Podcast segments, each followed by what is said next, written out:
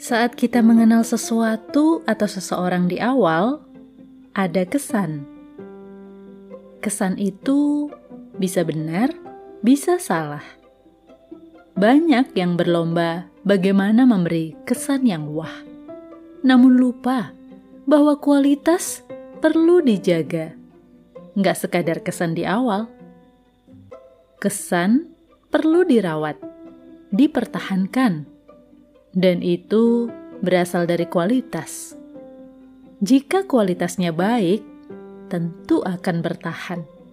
Nggak sekadar kesan.